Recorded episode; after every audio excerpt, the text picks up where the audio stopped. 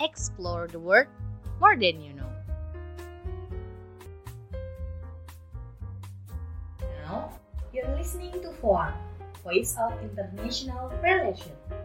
Hai teman-teman FOAR, balik lagi nih dengan aku Jo, host dari FOAR, Explore the World More Than You Know. Nah, dia podcast kali ini kita kedatangan teman ngobrol baru kita. Dia salah satu uh, mahasiswa dari PMM. PMM itu kayak program pertukaran mahasiswa dari kampus Merdeka nih. Kita punya dua teman ini, yang satunya tentu dari Hosquar juga. Dia juga salah satu mahasiswa PMM dan satunya lagi dari salah satu universitas di Jogja. Mungkin kita bisa kenalan dulu ya. Iya. Halo teman-teman, perkenalkan nama aku Alia Maharani, pertukaran mahasiswa Merdeka dari Jogja ke Kalimantan ini. Halo teman-teman, kalau aku pasti kalian udah tahu, aku salah satu host yang biasanya bawain NCY, aku Wiwit. Nah, Tadi ada Alia dan Wiwit nih. Mungkin kita bisa ke Alia dulu ya. Iya. Alia ini asalnya dari mana nih? Ya, aku asalnya dari Aceh Barat. Dari Aceh. Berarti uh, kamu SMA-nya di Aceh, iya. terus kuliah di Jogja dan pertukaran pelajarnya di Kalimantan. Di Kalimantan. Kayak, kok bisa sih kepikiran buat pindah-pindah sejauh itu? Nah, jadi emang kita-kita aku dari kecil itu pengen mengeksplor di Indonesia. Berawal dari Sumatera, di Aceh, Wah. lalu ke Jawa, di Jogja, lalu ini ke Kalimantan kesempatanku. Berarti banyak banget ya kayak kultur shock, kultur shock. Eh, iya. Nah, Oke, okay, kalau Wiwit sendiri nih, gimana Wit? Kalau aku emang pengen banget keliling dunia dan uh, dari sini aku tuh hmm. awal mula kita harus mengelilingi Indonesia, Indonesia dulu, dulu ya. ya biar kenal gitu. Hmm. Jadi dengan adanya ini aku pengen coba deh explore diri ketemu sama teman-teman daerah. Gitu. Oh, berarti kayak bisa aja dibilang cari pengalaman baru juga ya, ya di tempat-tempat ya. yang beda. Kalau aku boleh tahu nih Alia, kan kamu dari Aceh terus ke Jogja, hmm. terus ke Samarinda ya. ya. Kenapa malah milihnya di UMKT? Ya. Padahal kan ada ada Unmu, ya. ada juga kampus-kampus lain nih. Kenapa ya. milihnya UMKT? Nah, jadi pertama itu aku sebelum memilih pilihan di Kemendikbud itu riset terlebih dahulu. Oh. Jurusan HI itu di Kalimantan Timur ada apa aja. Ah, Ternyata ketika aku melihat profilnya UMKT itu wah bagus ya HI-nya dan pengen coba di sini. Ada juga teman-teman yang mendorong, ayo UMKT aja, ada uh, ada guru, ada dosen juga dari sana yang berlatar belakangkan dari UMY. Oh ya benar hmm. sih banyak banget dosen-dosen kita juga dari UMY, iya. UMN juga. Gitu. Kalau Wit nih kenapa ngambilnya di ja di Jakarta ya di UPN? Oh, awalnya itu uh, sebenarnya itu sal uh, bukan salah sih. Sebenarnya tuh iya sebenarnya tuh Widya tuh maunya di Universitas 1945. Ah. Tapi waktu itu karena mereka atas bawah jadi Widya uh, tulisannya tuh di UPN gitu. Hmm. Uh, jadi kayak atas uh, bawahnya itu gimana tuh kayak pilihan ya kan, pertama pilihan ya, kedua gitu. Ya, pilihan pertama pilihan oh. kedua. Jadi uh, masuknya itu deh pokoknya tuh salah ngeklik gitu deh soalnya itu uh, deadline deadline hari oh, terakhir hari terakhir ya ada deadline-nya ya. oh. jadi uh, pas waktu mau benerin lagi udah nggak bisa gitu soalnya kalau di, dibenerin lagi itu bakalan mundur lagi ke bawah gitu jadi oh. ya udah nggak apa-apa Bismillah aja gitu berarti pilihan pertamanya jadi UPN UPN keduanya jadi uh, 1945 gitu oh gitu kalau hmm. Alia nih pilihan pertamanya apa nih pilihan pertama UMKT ini UMKT pilihan oh, kedua itu emang. di Sulawesi di Sulawesi uh, berarti beda pulau lagi nih. Iya, emang Bener -bener. itu cita-citanya pengen beda-beda uh, pulau.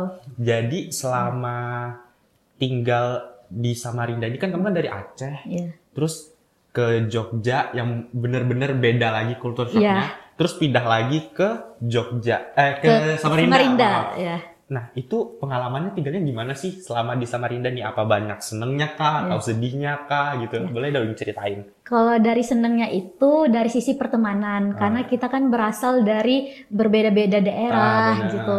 Jadi terasa banget keberagamannya. Yeah. Nah, kalau mungkin kesulitannya dalam beradaptasi itu masalah harga makanan. Ah, itu kayak general banget ya kayak tiap anak-anak yang petualangan pelajar pasti harga, harga, harga, harga gitu. Iya. Hmm. Di Kalimantan kalau dibandingkan dengan di Jogja lumayan jauh bedanya. Seperti hmm. kalau di Jogja 9.500 udah dapat nasi, ayam sama es teh. Hmm. Nah, kalau di sini kan kisaran harganya 15 sampai 20. Uh, uh, nah, dari sisi harga itu yang mungkin agak kesulitannya. Kalau nah. kalau kayak enak atau enggaknya nih gimana tuh? Ya. Bisa nggak dibandingin enakan makanan yang di, Jawa atau, di, di sini? Ya. Nah, masing-masing itu ada kelebihan sendiri. Iya, Kalau di Samarinda ini itu porsinya banyak. Jadi oh, berarti beda di porsi. Iya, misalkan aku belinya pagi, nah bisa sekalian untuk makan siang. Gitu. Oh, berarti kalau di Jogja kayak bener-bener cuma sekali makan itu doang. Iya. Tapi harganya murah. Harganya murah. Nah, kalau Wiwit nih, kan Wiwit dari Kalimantan itu yang kata orang tuh harganya mahal. Terus ke Jakarta atau ke Jawa yang kata orang tuh jadi murah. Wiwit menurut Wiwit gimana tuh? Eh, kayak kaget banget gitu loh kan di sana itu biaya hidup murah ya eh, standar lah waktu Widya di sana makan di warteg itu 9000 udah dapet udah dapet ayam.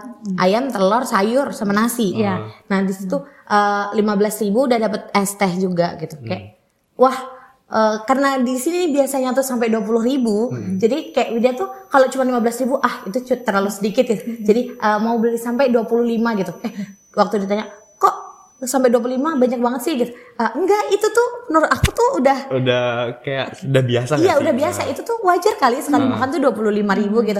Lima belas ribu makanan apaan gitu kayak bener kayak aneh gitu kayak. oh. Jadi di situ eh, aku terkenal kayak banyak ba- banyak borong belanjaan gitu kayak. Padahal Oke. menurut aku enggak gitu. Mungkin saking murahnya di sana gitu kayak wah Iya.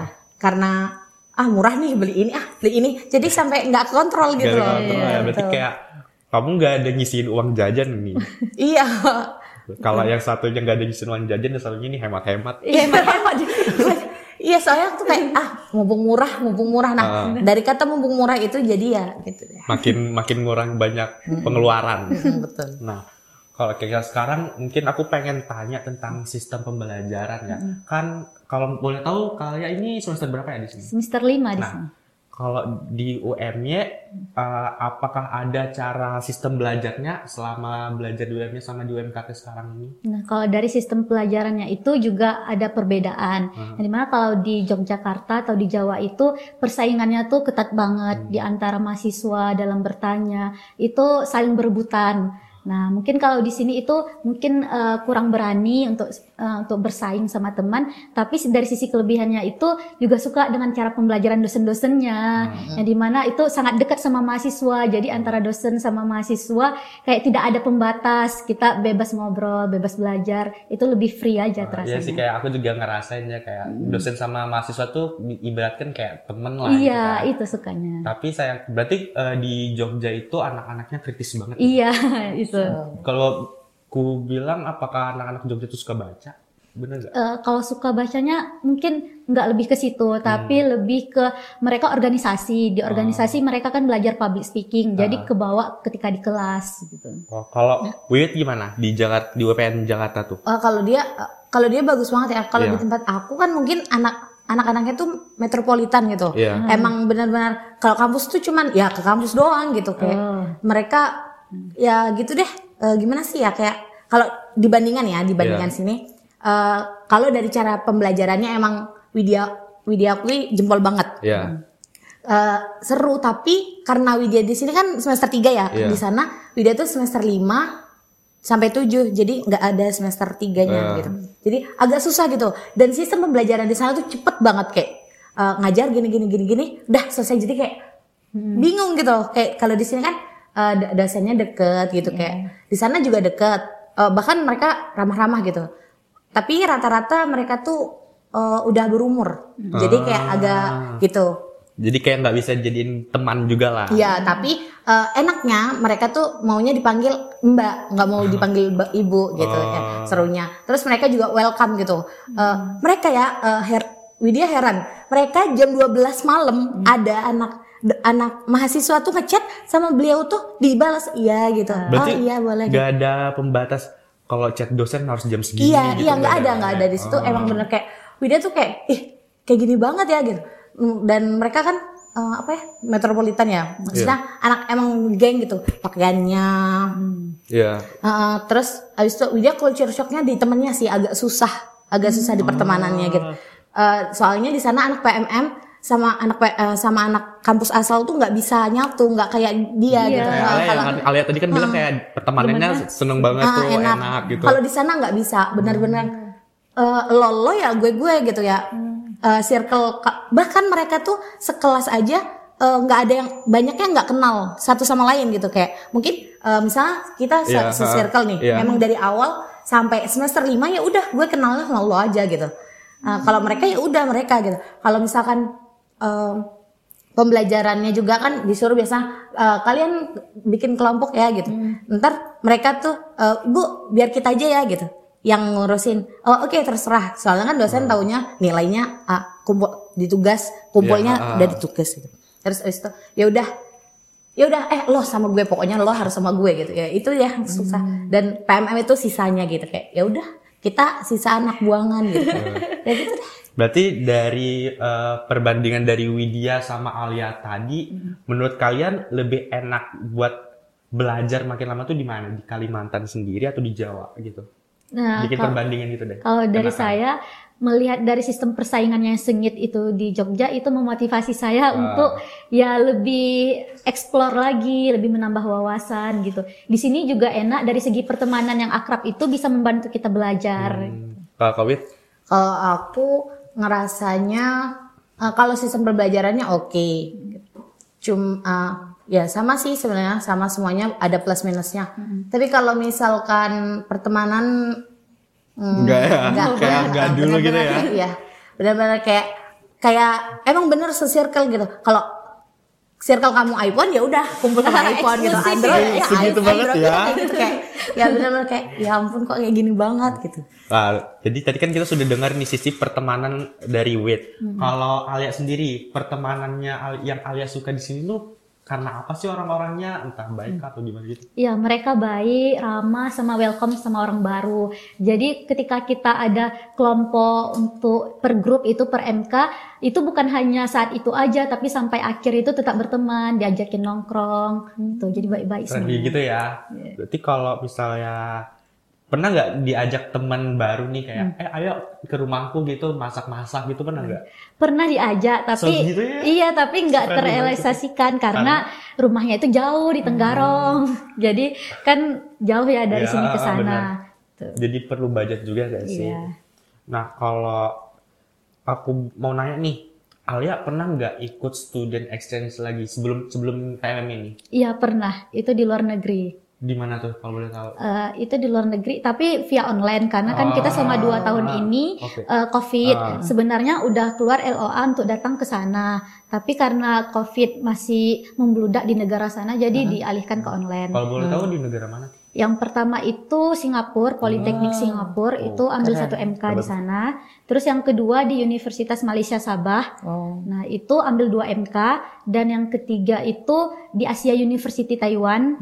Nah, itu juga ambil satu MK. Dan terakhir ini ikut PMM Student Exchange lagi ke Kalimantan. Wih, Kalau keren boleh tahu kenapa tuh ngambil di Singapura sama Malaysia sama siapa tuh? Taiwan. Taiwan ya. Kenapa tuh? Ada Oh, itu alasan bukan dari? LPDP ya kak? Bukan. Oh. Nah, jadi dari kampusku di UMY itu per prodinya it- ada AIRO. AIRO itu International Relation Office. Jadi masing-masing mahasiswa diwajibkan untuk mengikuti student exchange baik itu online atau offline. Nah, jadi dibuka pendaftarannya, dibagikan di feed Instagram. Jadi bagi mahasiswa yang memenuhi syarat seperti CV, TOEFL dan juga eh, transkrip nilainya, itu alhamdulillah waktu daftar diterima. Jadi makanya eh, dari situ makin termotivasi daftar lagi, daftar lagi, Oh, daftar jadi kayak lagi. makin tertantang gitu ya buat Tertantang. nge-explore juga gitu ya. Iya. Nah, selain alasan dari kampus ada nggak alasan pribadi buat Ih, aku pengen ke luar negeri nih kayak buat bisa gimana sih eh, sistem pendidikan di luar negeri itu ada nggak alasan seperti itu? Ada, kan aku dari awal itu jurusan hubungan internasional. Iya. Salah satu cita-citanya itu cita-cita anak HI banget ya, Iya, pengen iya, jadi sih, diplomat. itu- Betul, iya. betul. AI banget kalau ditanya kamu kamu mau saya kenapa? Pengen jadi pengen diplomat. pasti itu.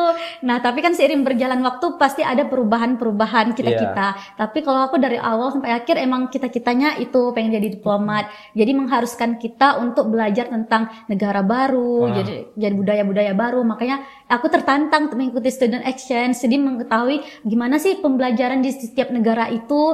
Nah, jadi bukan hanya di luar negeri aja, makanya aku daftar PMM itu di dalam negeri juga. Hmm. Aku mau nambahin nih. Nah. Eh, setelah aku ikut PMM ini, aku tuh jadi ngerasa eh, kita tuh bisa membedakan gitu antara Iya. kampus kita sama yang lainnya. gitu. Iya. Eh, waktu aku di sana aku tuh ngerasa kampus kita itu nggak ada tandingannya gitu. Emang kampus kita itu nyaman. Maksudnya Hmm. eh, kampus kita tuh lebih daripada kampus yang lain gitu. Emang itu yang buat kita tuh makin cinta sama kampus kita Jadi gitu. kita tuh punya pride sendiri gak Ah, sih ah, kan ah, buat iya. karena kampus kita kita ngerasa oh ternyata eh, kampus kita ini juga bisa bersaing gitu dengan kampus-kampus betul, lain yang di betul. Jawa yang katanya eh, top lah, top lah gitu. padahal tuh eh, sama aja Sama gitu aja gitu bahkan ya. lebih unggulan kampus kita gitu jadi Nah, dari kalian berdua dan cerita- cerita-cerita kalian berdua tadi nih, ada nggak pengalaman student exchange yang nggak pernah kalian lupain sama sekali? Dari Alia dulu deh. Kalau dari aku, kalau yang di online itu, Ah. yang Singapura Politeknik, mungkin agak culture shock juga. Mereka itu dari sistem pembelajarannya tidak terpaku sama pakaian. Misalkan meskipun mereka UTS, UAS, di hadapan profesor segala macam, itu mereka pakaiannya biasa aja. Bahkan baru bangun tidur pakai baju tidur, rambut tidak disisir langsung join. Iya, join online itu lagi uas jadi kayak dosennya pun tidak mempermasalahkan gitu. Jadi kalau eh, ya culture shock sekali. Kalau dari kita mungkin budaya kita juga mengharuskan untuk rapi. Iya. supaya di sana seperti itu. Itu salah satu yang terpaku sampai sekarang. Nah, kalau Wit yang nggak pernah dilupain apa nih Yang- selama student exchange kemarin? yang nggak bakalan itu pasti temen ya pertemanan. Apalagi Ya. eh, Wiwit di situ tuh banyak banget nemuin temen yang emang beda-beda daerah gitu. Ada yang dari Padang Aceh. Iya. itu jadi yang terus mereka juga anu apa ngajarin Wiwit bahasa daerah mereka iya. gimana kebiasaan mereka itu sih yang bakalan terus Wiwit dan komunikasinya harus terus dijaga. boleh nambah lagi nggak? Boleh, boleh, boleh. dari sisi bahasa tadi ya Iya. ternyata per daerah itu juga beda-beda budaya berbahasanya. Nah selama di Kalimantan ini Alia juga terikut budaya kalian. Yang ketika ngomong itu iya. Kah Ini kayak Kalimantan banget ya. Iya pasti pakai tambah kahnya atau ini ini nah. Ini nah. Ya. Kalau dari daerahku itu eh, pakainya kan, gini kan, pakai kan kannya gitu. Kalau dari Jawa itu pakai po, iya po gitu. Jadi beda-beda. Itulah yang uniknya yang Iya, aku itu suka. unik sih, benar-benar.